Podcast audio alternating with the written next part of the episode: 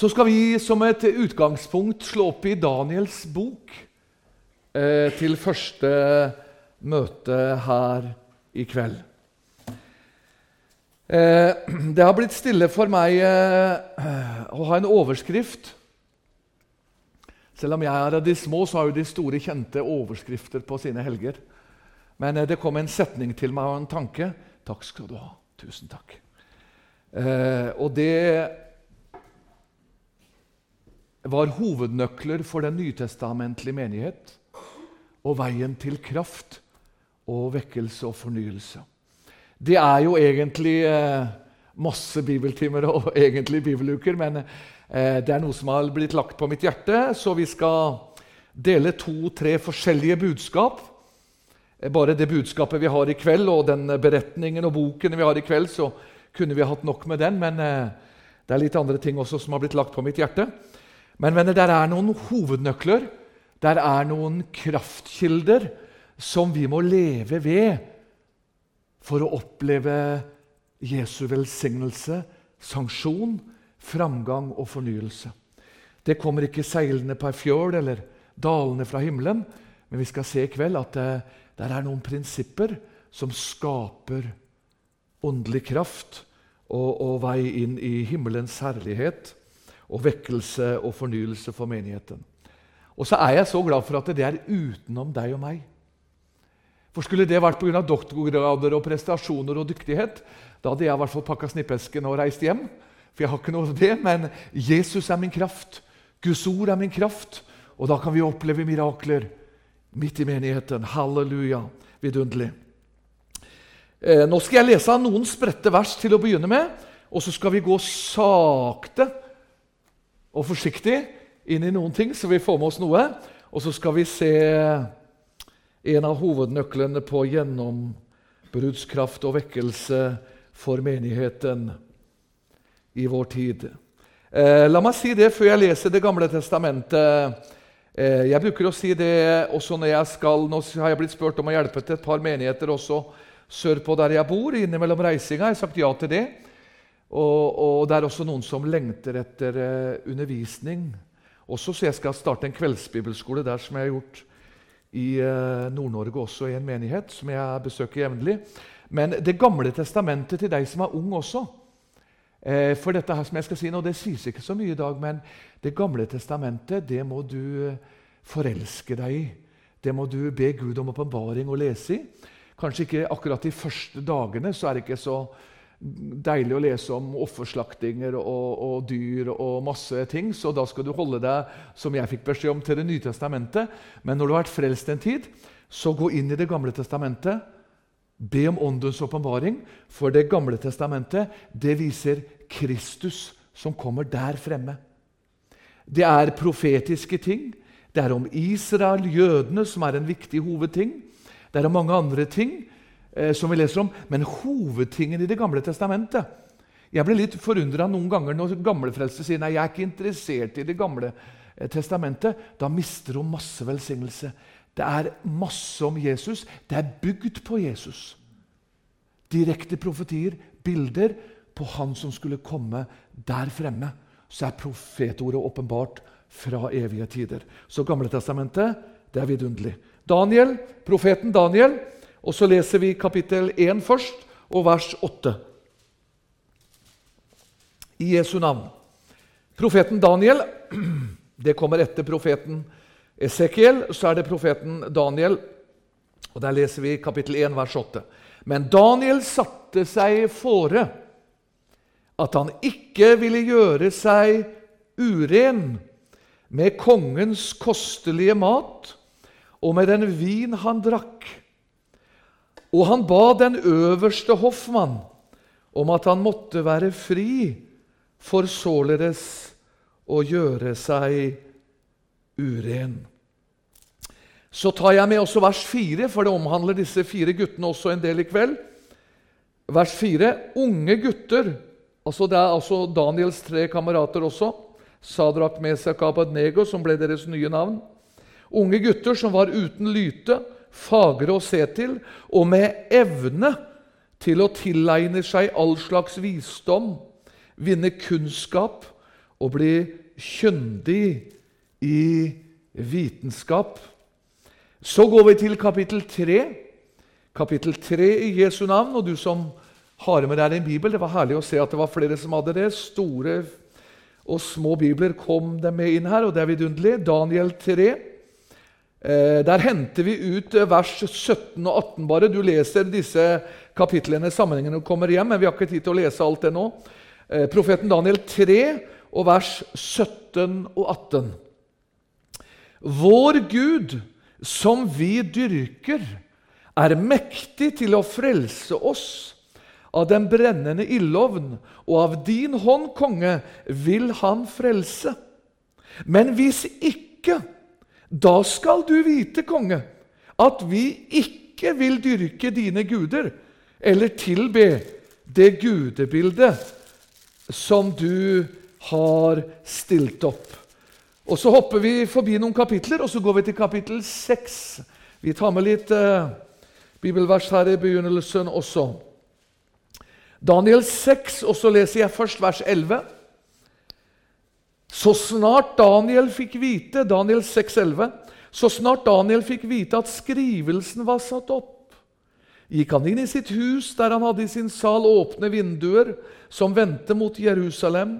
Tre ganger om dagen bøyde han sine knær med bønn og lovprisning for sin Guds åsyn, aldeles som han hadde gjort før. Da stormet disse menn inn og fant Daniel bedende for sin Gud. Så hopper vi til vers 17. Så bød kongen at Daniel skulle hentes og kastes i løvehulen.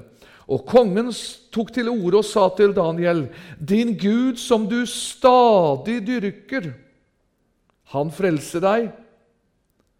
Vers 21. Og da han kom nær til hulen, ropte han med sorgfull røst på Daniel. Han tok til orde og sa til Daniel.: Daniel, du den levende Guds tjener, har din Gud, som du stadig har dyrket, maktet å frelse deg fra løvene. Så skal vi til slutt hoppe til kapittel 9. Vi kunne ha lest mye mer, også, men vi hopper til kapittel 9. Og så leser jeg vers 3 og første setningen av vers 4. Eh, kapittel 9, vers 3 og første setningen av vers 4. Da vendte jeg mitt ansikt til Gud Herren for å søke ham med bønn og ydmyke begjæringer under faste og i sekk og aske, og jeg ba til Herren min Gud. Amen. Eh, la meg først også ta med et sitat før jeg går inn i bibelteksten og versene her, så tar jeg med et sitat fra en av mine Jeg elsker å lese selvfølgelig først og fremst Guds ord, men også masse av våre veiledere. David Wilkerson er hjemme hos Jesus nå. Han var en profet og evangelist. Han sier i en av sine prekener om endetiden det er to typer kirker i verden i dag. Eh, for det første er det den døde, formelle kirken, som har en form for gudfryktighet men ingen kraft. Og dens tjenere er leiekarer. Men det er en annen kirke i verden i dag. Og hør det er en kirke med en hellig rest. Et bedende, gudfryktig, kompromissløst og rettferdig legeme i Kristus av troende mennesker. Den består av mennesker helt overgitt til Jesus. Mennesker som ber, faster og jevnlig søker Guds ansikt. Og venner, Det er spørsmålet til oss i endetiden. Hvilken menighetsretning og hvilken kirke ønsker vi å tilhøre? Ønsker vi å tilhøre det som Daniel var en del av? Ikke bare noe som er i form av vegger, noe som vi dyrker i det utvortes, men noe som er levende, noe som er kraftig, og noe som vi kjenner at det her, her er gjennombrudd. Vi opplever å leve i fornyelsen, og Jesus gir oss kraft, velsignelse og åpenbaring. Eh, Daniel hadde et innviet liv og den stadige Guds styrkelse. Og Hovednøkkelen finner vi i vers 8, som vi leste. den første setningen Daniel satte seg fore. Bare den setningen er egentlig en bibeltime. Men hør, jeg elsker den setningen. Altså, Daniel, han bestemte seg. Ikke pga. trelldom, ikke pga. noe først og fremst han hadde lært av andre. Men Daniel bestemte seg i sitt hjerte. Nå vil jeg gjøre en forskjell. Hør, min venn som lytter i kveld, du ungdom. Vil du gjøre en forskjell på din skole? Vil du og jeg gjøre en forskjell på vår arbeidsplass? Der vi er. Det er noen prinsipper å følge. Det er noe, en vei å gå. Ja, den går du ikke alene, men himmelens kraft og himmelens velsignelse er med deg hvis vi går denne veien. Halleluja! Det er noe som er utenfor meg, fra himmelen, halleluja, som tar bolig i meg. Og det er Den hellige ånds kraft.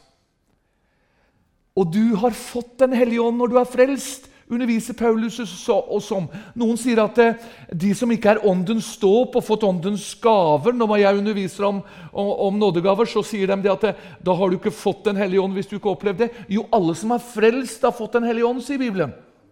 Halleluja. Så du har fått Den hellige ånd. Så det er ikke du og jeg som skal gjøre det, men det er ånden i meg.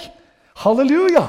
Ja, og det er Noen som sier meg når jeg møter det, jeg er jo mye ute på gater og streder og, og, og elsker det. og Nå er det snart Amcar-tid, så det har blod, brusa mitt blod i noen måneder. Og vi snart skal ut på gater og streder med vogner og amerikanske biler. Men venner, når jeg er der ute, så spør de ja, er du religiøs, du. Er du en kristen? du? Nei, jeg er ikke religiøs. Jeg er frelst. Jeg har møtt Jesus. Det er noe som er liv i meg. Og, og så klikker de til, og så lurer de på hva dette er. Venner, vi har fått noe i oss. Det er ikke en død religion, men det er en kraft iboende i oss. Så det er ikke jeg som skal gjøre det, men vi skal gjøre som det står her. Daniel satte seg for det. Jeg bestemmer. Jesus, jeg vil at Den hellige ånds kraft skal styre mitt liv.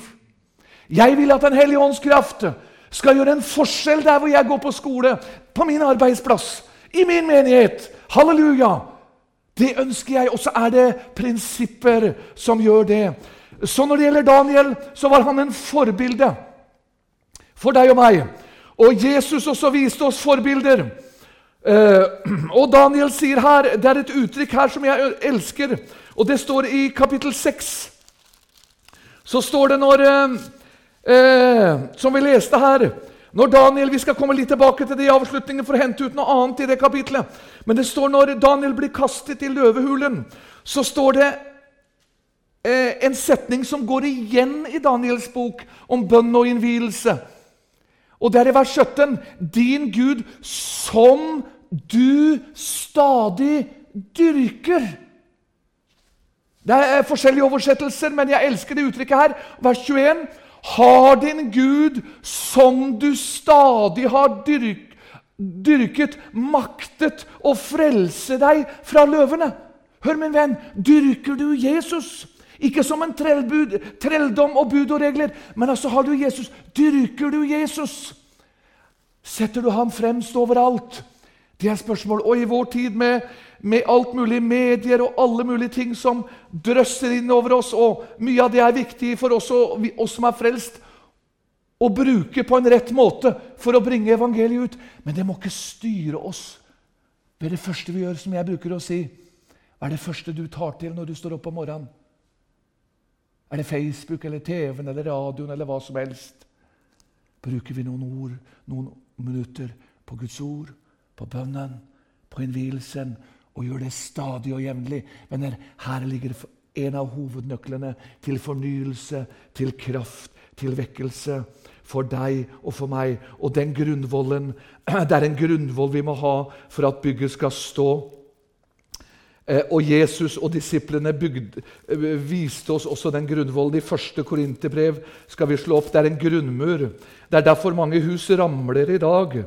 Eh, fordi at de har ingen grunnvoll. Første Korinterne 3 eh, har jeg notert meg her som en grunnmur også for den nytestamentlige menighet. Altså Daniels liv, Daniels vekst Daniels seier i prøvelser det var bygd på en grunnmur. Er du med meg?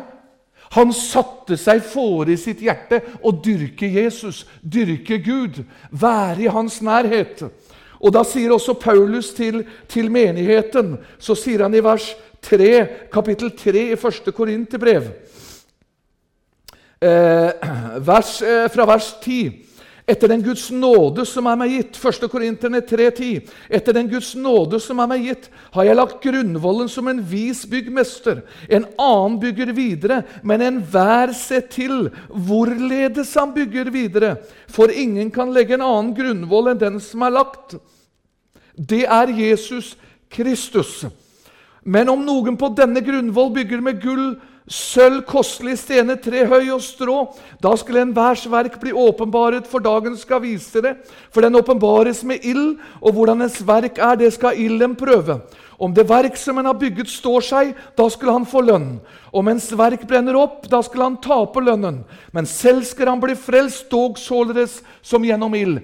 Eh, I de siste versene er det snakk om også Kristi domstol og forskjellige ting der hjemme. Men det Paulus underviser om her til menigheten i Korinter, korinterne. Og han hadde det samme grunnlag til alle menighetene, sier han. Jeg underviser til alle menighetene. Det var en grunnvoll å bygge på. Og venner, vi må også ha en grunnvoll å bygge på.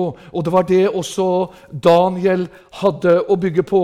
Det var en grunnvoll han bygde på, og det var å leve sitt liv tett inntil himmelens Gud. I nærheten av sin Gud. Og gjorde han det tilfeldig? Nei, han gjorde ikke det. Da leste vi i, i kapittel 6 Vi går til kapittel 6 igjen. Eh, vers 11. Her i dette kapitlet, når du kommer hjem, så skulle disse som var misunnelige på, på, Daniel, hans kolleger eh, For den som ikke kjenner eh, Daniel, så var jo han en sterk åndelig mann. Han var et mektig Guds redskap, leser vi, men samtidig så hadde han en høy stilling. I dagens eh, politiske nivå så kan vi vel si at han var en president, kanskje. Han var like under kongen. Men det går an å ha mye å gjøre og stadig være en Guds mann. Leve tett nær Herren. Disse skulle ødelegge Daniel, men Daniel han hadde en fast, daglig innvielse, vers 11. Men så snart Daniel 6,11, så snart Daniel fikk vite at skrivelsen var satt opp, gikk han inn i sitt hus. Der hadde han i sin sal åpne vinduer som vendte mot Jerusalem. Tre ganger om dagen hør, bøyde han sine knær med bønn og lovprisning for sin Guds åsyn, aldeles som han hadde gjort før. Da stormet disse menn inn, fant Daniel bedende og bønnfallende for sin Gud. Venner, for en herlig tilstand! Å være i når angriperne kommer rundt deg. Halleluja! Han fikk beskjed om at det her var bare én gud å tilbe, og det var kongens gud, Nebukadnesar, og, og gudene som var der i det riket. da. Daniel brydde seg ikke om det. Halleluja! Mitt liv overført til i dag. Mitt liv er Jesus. Hva de sier rundt meg, er klinkende likegyldig.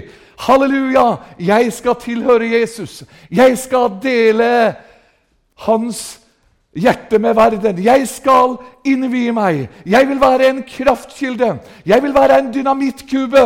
Jeg ønsker å være brennende i ånden og tjene Han. Og hør!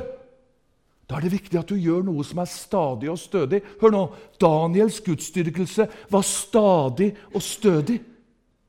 Ja, alle Guds menn og kvinner som Herren bruker til en spesiell velsignelse og fornyelse, har alltid hatt et innviet liv. Det ser vi helt ifra grunnpilarene i de første skrifter i Guds ord. Så ser vi alle de som er brukt mektige Herren, og som har gjort en forskjell. Vil det bli en forskjell på skolen din, i bygda vår, der vi jobber? Ja, så må vi gjøre noe med det. Vi sier ofte at ja, Gud send oss vekkelse, Jesus send oss vekkelse, Jesus send oss gjennombrudd. Han vil sende det hver eneste sekund. han. Det er ikke opp til han, det, det er opp til oss. Det er opp til deg og meg. Jeg klarer ikke sjøl, men jeg gjør som Daniel. Herre, du er min styrke, du er min kraft. Jeg bestemmer meg i mitt hjerte. Halleluja, jeg ønsker å tilhøre deg. Halleluja! Det er Jesus eh, som eh, ønsker å se sin menighet få gjennombrudd. Og da er det noen hovednøkler. Og det er noen grunnprinsipper i første bibeltimen vi skal ha under denne helgen. Og vi skal se også i eh, Første Mosebok 26. Hør! Alle som gjorde en forskjell, før vi skal fortsette med Daniel og, og, og guttene der. Så skal vi se alle som gjorde en forskjell. de levde tett ved Herren. De lagde alltid et alter. Hør hva jeg sier nå. I Det gamle testamentet, der det ofres, der det lages et alter, det er alltid et bilde på innvielse, bønn og faste. Dem som gjorde en forskjell, dem var alltid tett ved Herren i ordet og bønnen. Første Mosebok 26, vers 18. Isak gravde opp igjen de brønner som de hadde gravd i Abraham hans fars dager, og som filistrene hadde kastet til etter Abrahams død. Og han gav dem de samme navn som hans far hadde gitt dem.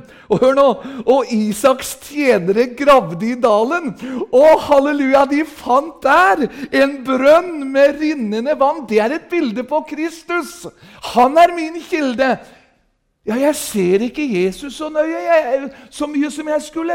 Jeg får ikke så mye åpenbaring. Jeg skulle ønske jeg hadde mer. Ja, men hva gjør du med det? Hva gjør jeg og du med det? Vi må grave oss ned i kilden. Halleluja! Er det ikke herlig? Ja! Og Jeg håper du er enig med meg, for hvis ikke så er du liksom litt på tvers av Skriften. Det må gjøre å være på langs etter Skriften her, så var jeg med på Guds ord. Venner, vi må grave. Han gravde en brønn, og så fant han der rinnende vann. og Så kan du lese mer om det. Første kongebok eh, er det også en eh, mektig beretning om hvordan Herren åpenbarer seg kraftig. Eh, første kongebok, kapittel 18. Her var det fiender overalt. Her lengtet de etter gjennombrudd. Første kongebok, kapittel 18. Og så ønsket de at noe skulle skje. Eh, det er mye bilder på nytestamentlig menighetsliv her. Det var eh, mange av forskjellige ondskapens profeter, og det er det også i dag på mange åndelige bilder. Men Elias han hadde funnet nøkkelen som Daniel. Og så sier han i vers 30.: Tred hit til meg. Og alt folket, første kongebok 1830, og alt folket trådte frem til ham. Og han satte Hør! Han satte i her, stand Herrens alter, som var nedrevet. Hvordan er det med ditt og mitt alter? I bønn og innvielse. Det er noen stener som kanskje skal på plass hos deg, og så skal du plutselig se at ilden begynner å brenne. Halleluja. At ilden begynner å åpenbare seg. Vers 38. Da falt Herrens ild ned og fortærte brennofferet og veden og stenene og jorden og slikket opp vannet som var i grøften. Da falt Herrens ild ned. Var det min lyd? Der ble det borte, kanskje? Ja. Da falt Herrens ild ned og fortærte brennofferet og veden og stenene. Da falt Herrens ild ned. Når falt Herrens ild ned? Hør, da han satte i stand alteret. Ja, men jeg venter på veldig fornyelse over menigheten. Jeg venter på ting skal skje i mitt liv. Ja, men hør, skal du gjøre som Daniel, at du enda mer setter deg fore? Halleluja! Og går inn. Daniel satte satte seg fore i sitt hjerte. Masse skriftsteder vi kunne ha tatt. Men så stiller Herren oss også et spørsmål. I Malakias har jeg notert meg kapittel 1 og vers 10. Malakias det er, er den siste boka i Det gamle testamentet. Og Hør hva han sier i vers 10 og kapittel, kapittel 1 og vers 10. Gi det fantes noen iblant dere som ville lukke tempeldørene. Malakias en tid. Lukke tempeldørene, så dere ikke skal gjøre opp ild på mitt alter til ingen nytte. Jeg finner ikke behag i dere, sier Herren er skarenes Gud, og til offergave fra deres hånd har jeg ingen lyst. Venner, han leter etter menn og kvinner som enda mer kan trenge inn i åndens verden, som Daniel. Halleluja! Jeg bestemmer meg i mitt hjerte at Herren skal åpenbare seg. Halleluja! Venner, i vår tid er det mye skriking, og det er mye synging og det er mye dansing. Men det er, da, det er mangel på Daniels stadige og stødige innvide liv. Og det er det vi trenger mer i dag. Halleluja! Her ligger vekkelsen. Tilfeldig omgang med Jesus, ordet og bønnen, det gir en tilfeldig fornyelse og framgang. En fast og stødig innvielse og omgang med Jesus det gir en fast og stødig fornyelse, vekkelse og seier. Halleluja. Og så er det ikke jeg. Det er ikke meg, men det er Jesus gjennom sitt ord. Halleluja. Han skal gi oss kraft. Han skal gi dere kraft. Som han til, sa til disiplene, dere skal få kraft i Den en hellig ånd kommer over dere. Det skal ikke bli sånn prestasjon at nå, jeg, nå skal jeg først og fremst sette av en time eller fire. Blir, men Da blir det sånne tvangstanker. Men du sier til Jesus, 'Herre, gi meg kraft'. La meg få lov nå, Herre. Nå ønsker jeg å sette av tid til deg. Sette av ting til side nå. Jeg begynner med fem minutter, og så fortsetter det med ti minutter, og så fortsetter det et kvarter. Og så opplever det som noen ganger jeg opplever sjøl at det, plutselig så har det gått én time, og så har det gått tre timer, og så har det gått fem timer, og så kjenner du at det, nei, nå må jeg visst gjøre noe kjødelig her og gjøre noe arbeid også. Du kjenner at Gud tar tak i deg. Halleluja! Det er ikke jeg, men det er Guds ånd og Guds kraft. Halleluja! Og så går vi inn, og så opplever vi seier. Orken og Skøy kan bli sprengende fullt. Men det er ikke avhengig av Jesus og Gud. Den vil vekkes hele tida. Det er ikke avhengig av himmelens treenighet. Det er avhengig av deg og meg. Jeg setter meg for det. Nå Halleluja, nå skal vi gjøre en forskjell i Bergen. Nå skal vi gå inn i åndens verden så det rystes over Bergen. Halleluja! Og da blir det, vet du, Jeg har lest mange gamle historier som plutselig kom for meg nå når AC Gabrielsen og kompani hadde vekkelse i Bergen. Det var så mye himmelsk brann, så den ble jaga ut av byen. Ja, Hvis du leser noen av denne historien For det, det såkalte presteskapet og lutherske nå er det heldigvis bra på det på mange områder, eh, så er det mer velsignelse og kjærlighet blant oss. Men han forkynte jo den bibelske dåp, og på den tida var ikke det godtatt så mye. så den ville ha dette ut av byen. Men du skjønner, får du ilden i deg og vekkelsen i deg, så kan, ja, kan noen prøve å jage ut det. Men du vet, da følger bare folket etter, for de vil helst der det brenner og der det er varmt. Der vil de være. Halleluja! Og så befolkningen, vet du, de forsvant ut etter AC Gabrielsen og kompani, dem, og vekkelsen fortsatte. Halleluja! Skal vi tro Jesus for det? Vi lever i frafall, vi lever i vanskelige tider. Men Jesus er kraft. Jesus er salvelse. Jesus ønsker at ennå så er det noen bønnebarn, frafalne, utslåtte. Og så er han avhengig av deg og meg at vi gjør som Daniel. Han satte seg fore i sitt hjerte. Halleluja! Denne stadige og stødige innvielse hos Daniel, det ga åndelig gjennombrudd, og det ga åndelig kraft. Og så leser vi i eh, Løvehulen, når, eh, i kapittel 3 så leser vi om disse guttene eh, som gikk inn i, i løve... Som ble kastet i den brennende ildovnen. Og Daniel ble kastet til løvehulen. Det er forskjellige beretninger der. og Vi har ikke tid til å gå inn på alle det. Men eh, disse guttene de sier her, som vi leste i kapittel 3 Jeg skal bare stanse i noe ved det. Kapittel 3. Vår Gud, som vi dyrker, er mektig til å frelse oss av den brennende ildovn, og av din hånd, konge, vil han frelse. Men hvis ikke, da skal du vite, konge, at vi ikke vil dyrke dine guder eller tilbede det gudebildet som du har stilt opp. Her var altså Nebukadnesar. Han hadde satt opp en svær statue av seg selv. Det fortelles vel at den var ca. 30 meter høy. Og så skulle alle i dette riket skulle tilbede denne støtten. Dette er mange forskjellige bilder som ikke vi har tid til å gå inn på med vår tid. Om forskjellige ting som de vil at vi skal tilbe i denne verden, og vi skal følge med på. Men disse fire menn, for det var ikke bare Daniel, disse tre andre også, de var satt øverst i riket. De var satt i høye stillinger. Men selv i sitt hjerte så sa de vi har bare én Jesus. Vi har bare én Gud som vi vil følge.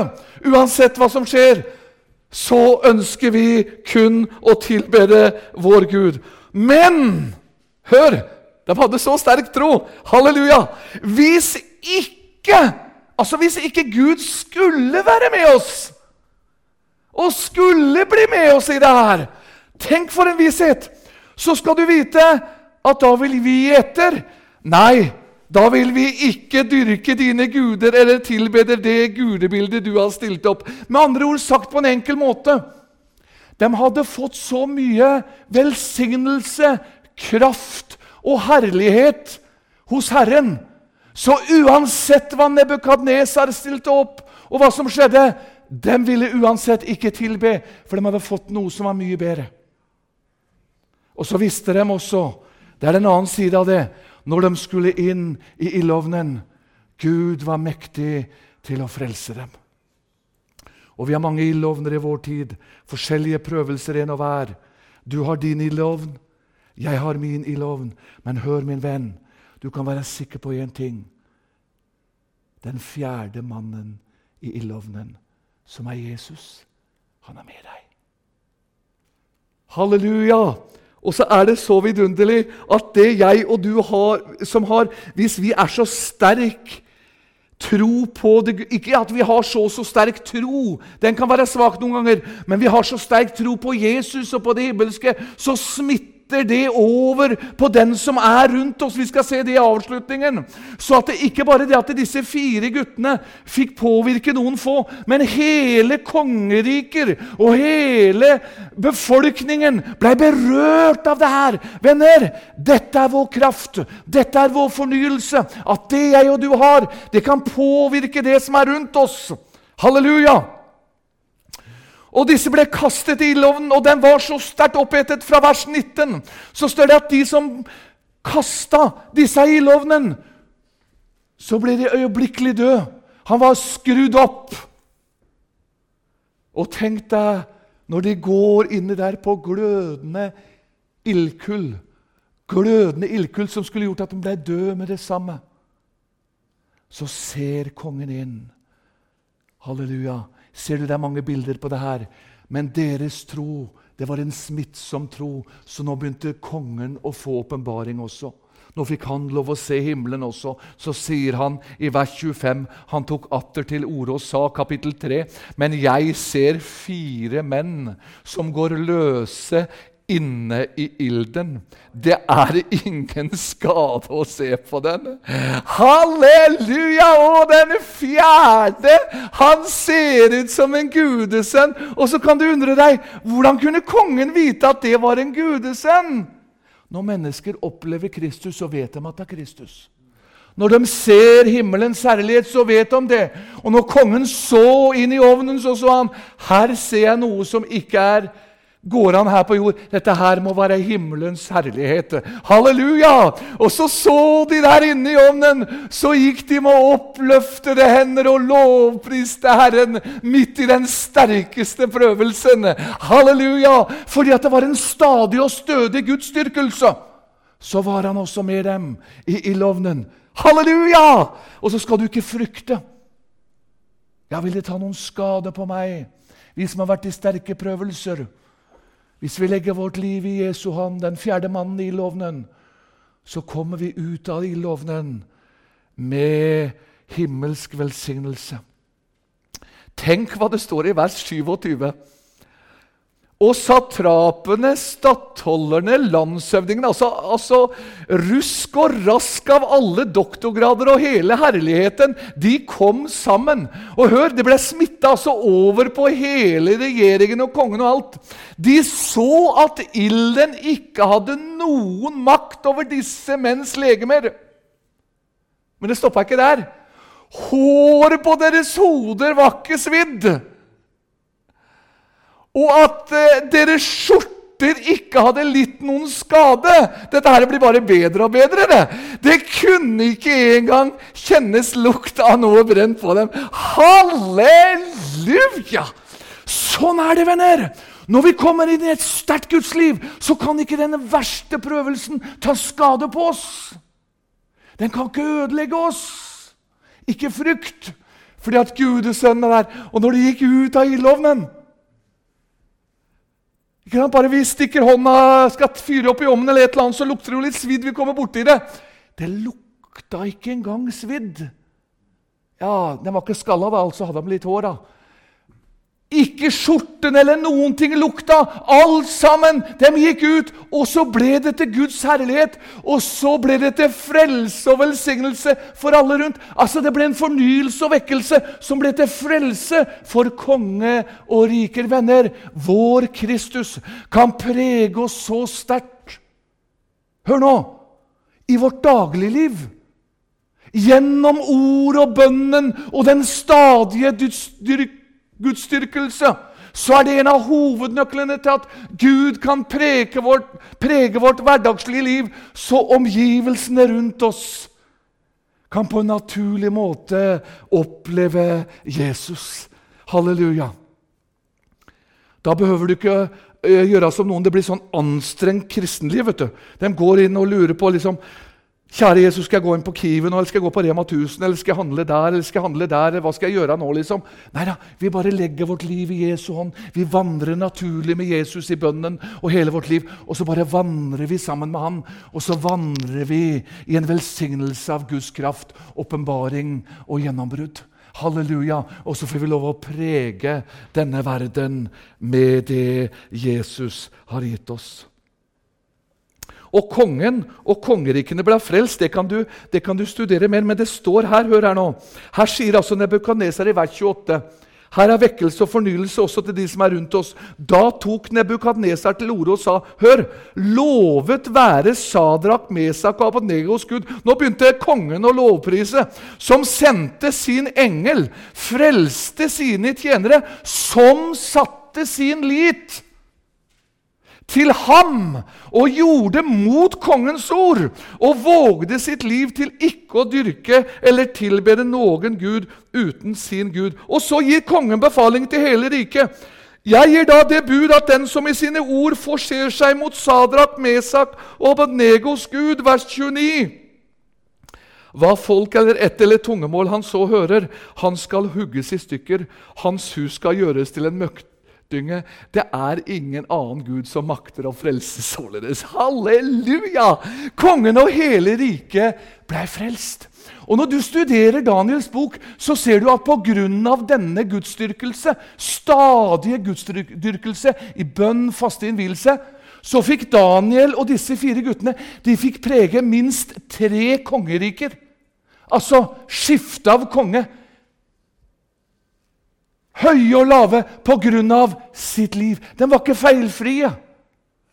Sånn er det med apostlene med disiplene. Vi gjør feil. Noen sier at det, ja, nå vi har blitt sånn enkelte plasser nå at du må nesten feil, være feilfri for å, for å, få en stilling i Guds rike. Også enkelte plasser nå når det gjelder høyskole og forskjellige andre ting. Og, og, sånne ting. Men hør, dette var enkle mennesker. De kunne gjøre feil, men de levde i ydmykhet. De levde i erkjennelse. De levde et hellig liv. Og de fikk lov å oppleve å ha sin gudsdyrkelse daglig ved ordet og bønnen.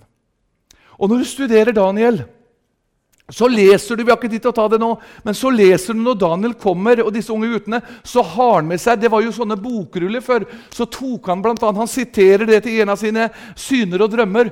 Eh, at han har lest rullene til Jeremias.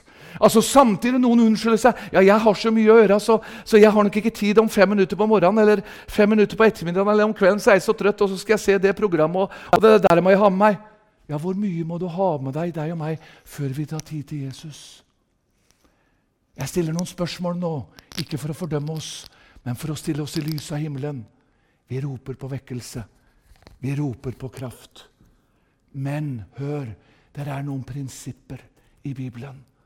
Og da må vi følge de, og Herren skal gi oss kraft. Halleluja. Daniel satte seg fore i sitt hjerte. Halleluja. Hvis jeg og du skal oppleve åndelig gjennombrudd, så må har vi en vei å gå. Vi har å vandre med den Gud som Daniel hadde. Eh, det er en, også en annen ting. Tiden går fort, men dette her med bønn, med faste Så hadde vi før noe som het I hvert fall når jeg var nyfrelst for 35 år siden, etter noen år som frafallen, så hadde vi noe som het fastehelger og bønneuker og innvielsesuker.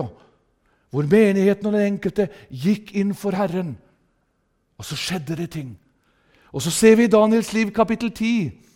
Så skal vi se eh, årsaken, og her svarer også engelen. Det er mange sider av Daniel. Jeg har en hel bibeluke om forskjellige eh, sider ved Daniel og, og, og, hovednøkler. men Vi skal bare ta, ta det i kveld her nå for enkelhets skyld. Men eh, kapittel 10 så står det bl.a. i vers 3 Hør om Daniels stadige, sammen med disse kameratene, gudsdyrkelse. Daniel 10 og vers 3. Hør! Noen kostelig Eller vi tar med vers 2 også.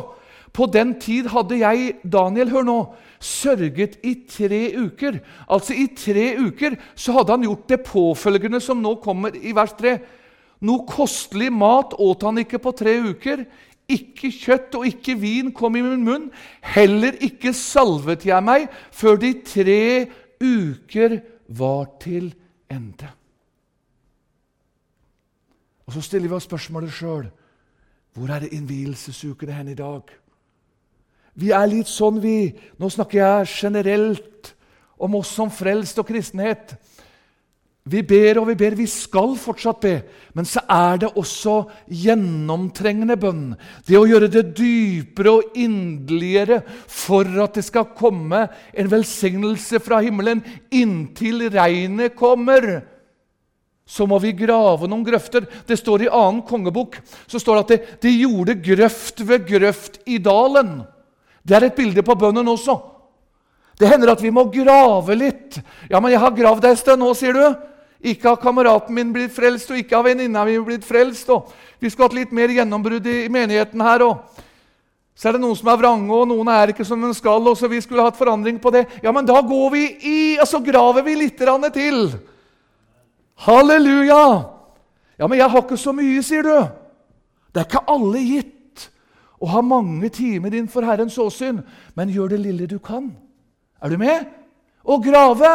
Om du har bare en liten spade, eller om du har en stor grøft, eller åndelig talt er en svær gravemaskin, det spiller ikke noen rolle. Bruk det du har. Ta tid innenfor Herrens åsyn. Halleluja! Er vi med? Amen? Ja, den bukke guttene der de har sittet i sånne bukka hele tida. Det er herlig! Man sitter og bukka til alt, dem. Halleluja. Er ikke skjønt? Ja, Det er danseorkesteret i mitt hjerte. Halleluja! Men vi lurer. Ja, vi skulle hatt vekkelse, og å, vi skulle ha frelst noen her. Og, og vi skulle ha rørt ved noen her, og det skulle vært noe der, og det skulle ha berørt ved Bergen by. Her har du et grunnprinsipp. Skal vi følge det? Daniel stadig dyrkende Gudstjeneste! Guttenes stadig innvielse! Halleluja!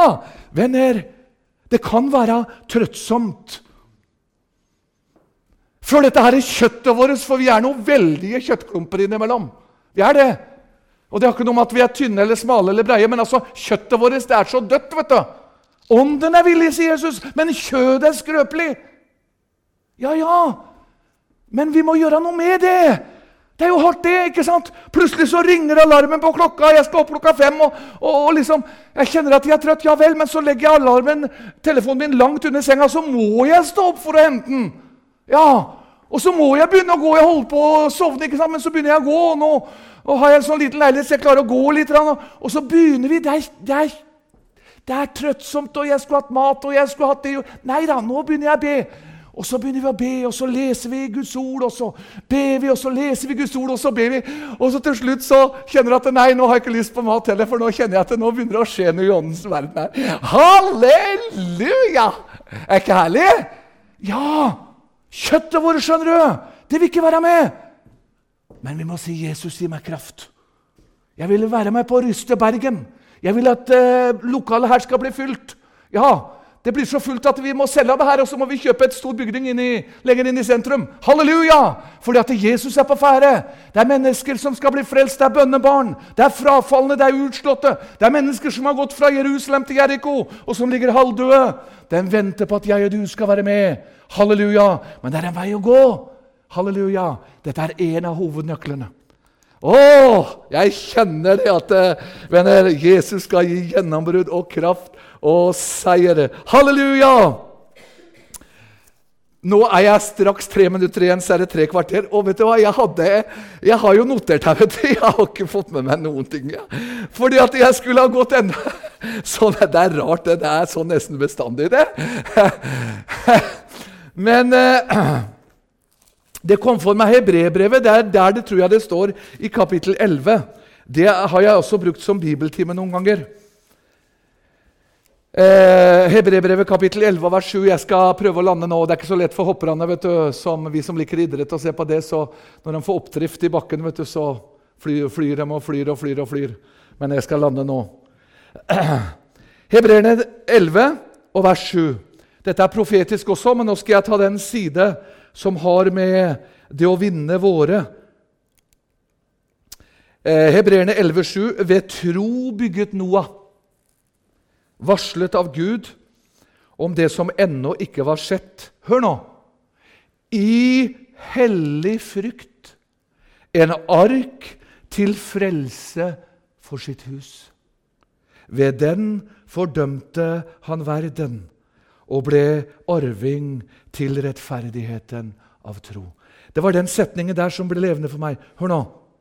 Noah han bygde en ark til frelse for sitt hus. Hør, min venn. Bygger vi en ark til frelse for vårt hus? Også du har noen onkler og tanter. Også du har kanskje noen søskenbarn. Og så er det ikke alle som er så heldige som meg, som har alle mine med, både svigerbarn og barnebarn, og, som er med på himmelveien, men vi har mange barn som ikke er med. Venner, skal vi bygge en ark? Noah han fikk med seg sin familie. Vi er opptatt med mengden der ute. Men skal du be Herren om kraft Jesus, la meg få lov å bygge en ark til frelse, først og fremst for mitt hus. Og så bygde han en ark til frelse for sitt hus. Halleluja. Og så opplevde han at hele familien ble frelst gikk inn i arken. Her er masse bilder. Det er jo et bilde på Kristus. det her. Vannflommen kommer over jorden. Men Krist, arken som er Kristus, den flyter. Halleluja. Venner, vi gjør en ark til frelse for vårt hus. Og bønnesvarene kommer. Det står et herlig bilde på det åpenbaringsboken jeg skal avrunde nå. Åpenbaringen eh, kapittel 8, 7, tror jeg det er. Et eller annet rundt der. Skal vi se? Det er Åpenbaringen 8, vers 3 og 4. Hør. Du som venter på bønnesvar, du som venter på familien din, du som venter på de utslåtte, hold ut. La oss gjøre som Daniel og guttene, en stadig og stødig gudsdyrkelse. Åpenbaringen 8, vers 3 og 4. En annen engel kom og sto ved alteret. Han hadde et røkelseskar av gull og det ble gitt han meget røkelse for at han skulle legge den til alle de helliges bønner på gullalteret foran tronen. Hør nå. Hva gjør Gud med våre bønner? Vers 4. Røken av røkelsen steg fra engelens hånd opp for Gud med de helliges bønner. Det er din og min bønn. De er lagt inn for Herrens åsyn. Og jeg tror, venner, nå er han i ferd med Kanskje du skal ta ett minutt til? Kanskje du skal ta fem minutter til? Så, altså, eh, se et bilde. Nå, nå, kunne jeg gått inn i en ny bibeltime, men jeg skal ikke gjøre det. Altså, Denne, denne, denne bønnekrukka, denne hellige bønnene fra himmelen, som man er i ferd med å tømme nå over Askøy og, og, og Bergen og, og, Arken, er, den er i ferd med å tippe nå. Men det må noen bønner til for at den skal tippe helt rundt og begynne å øse de over. Ser du bildet? Ja. Kanskje det er din bønn. Kanskje det er fem minutter til fra deg. Ti minutter til fra meg. Ser du det? Sammen så er vi dynamitt. Sammen så er vi en åndelig kraftkilde. Ingenting kan stanse oss. Om det kommer løver, om det kommer ti ildovner Halleluja! Å, Jesus er min kraft! Ja, det er lett for deg å si, sier du. Du er forkynner, og du har vel bare hatt herlighet. Nei, du, ofte så føler jeg meg som den svakeste og mest elendige. Kan sitte hjemme og gråte i angst og tårer og si, 'Jesus, hvorfor bruker du meg?' Men så begynner jeg å lese og så begynner jeg å, å studere Guds ord og så begynner jeg å be og så begynner jeg å lese, lete etter Kristus i meg. Og så kjenner jeg ja, halleluja, jeg skal også være med. Og så kjenner jeg at eh, halleluja, her blir det seier. Det jeg har, det går jeg med. Jesus, bruk meg! Kan han bruke meg? Kan han bruke deg? Ja, han kan det. Mange sier at ja, han kan vel ikke bruke meg. Vet du hva jeg tror som eh, Konrad Kornmo vel en gang sa, en av de gamle høvdingene? Vi har altfor mye utstyr i dag. Vi har altfor mye flinkhet. Vi har altfor mye dyktighet. Det er ikke noe galt i det. Vi skal ha det, men det må være Den hellige ånd som styrer det. Det må være Den hellige ånd som driver det. Det vi trenger nå, det er varme hjerter tent av Den hellige ånd og ild, som går ut og bringer varme hjerter ut. Og så bør ikke du, som jeg sier når jeg underviser om vekkelse og fornyelse til, til ungdom og nyfrelste Du skal ikke ta med deg en læresetning. Du skal ikke ta med deg en teologi ut på gater og streder. Det hender folk sier til meg, selv om jeg kunne ha svart mange på mye der ute, ja, hva mener du om det, og hva mener du, og kan du forklare det? Nei, det er ikke alt jeg kan forklare, sier jeg, men jeg vet at min Jesus lever. Jeg er frelst, han har frelst meg. Jeg er på vei til himmelen. Jeg har framtid og håp. Bring med deg Jesus ut! Tent av et hellig og varmt hjerte. Ja, vi har nok av doktorgrader og teologier som skal bringe det her ut. Nå trenger han varme hjerter. Og så trenger han en Daniel. Han trenger noen unge jenter og unge gutter som sier OK, jeg har mye lekser. Jeg har mye å gjøre på jobben. Jeg har mange ting. Men jeg tar ett minutt til. Jeg tar fem minutter til. Jeg tar et kvarter til. Og så alle disse her glødende forskjellige kommer sammen, så blir det en sterk, brennende ild. Halleluja! Seier i Jesu navn. Jeg skal si ammen der, for nå er det tre kvarter. Men jeg må ta med eh, et sitat av David Wilkerson også. Hør. Han snakker om Jesus, han snakker om kraften, og han snakker om ildovnen og Daniel. Og så sier han, hør Daniels bønner førte ham rett til løvehulen. Hør nå. Denne prøven kom mange år etter den de andre hebraiske mennene, altså guttene som vi har vært innom, gikk igjennom. Daniel var her ca. i 80-årene. Etter diverse studier og, og, og, og slikt så var ca. 80 år, fortelles det dem som har studert det. Dette kan skremme deg kanskje, sier David Wilkerson. Hvis du lurer på hvor lenge det vil vare før du slutter å ha kriser. Hør. Kanskje du tenkte at du hadde lært alle dine viktige prøver etter et visst antall år i Herren.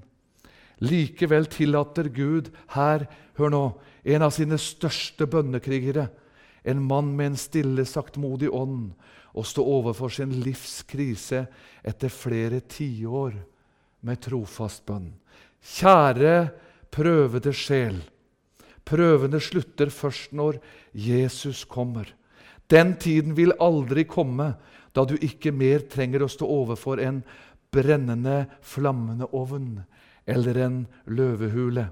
Det vil ikke skje før du legger din hode i Jesu fang hjemme i himmelen. Det vil stadig være noen løver. Det vil stadig være noen brennende ildovner. Men hør, den stadige og dyrkende innvielse og bønnen, den fører oss igjennom. Den gir oss seier. Halleluja.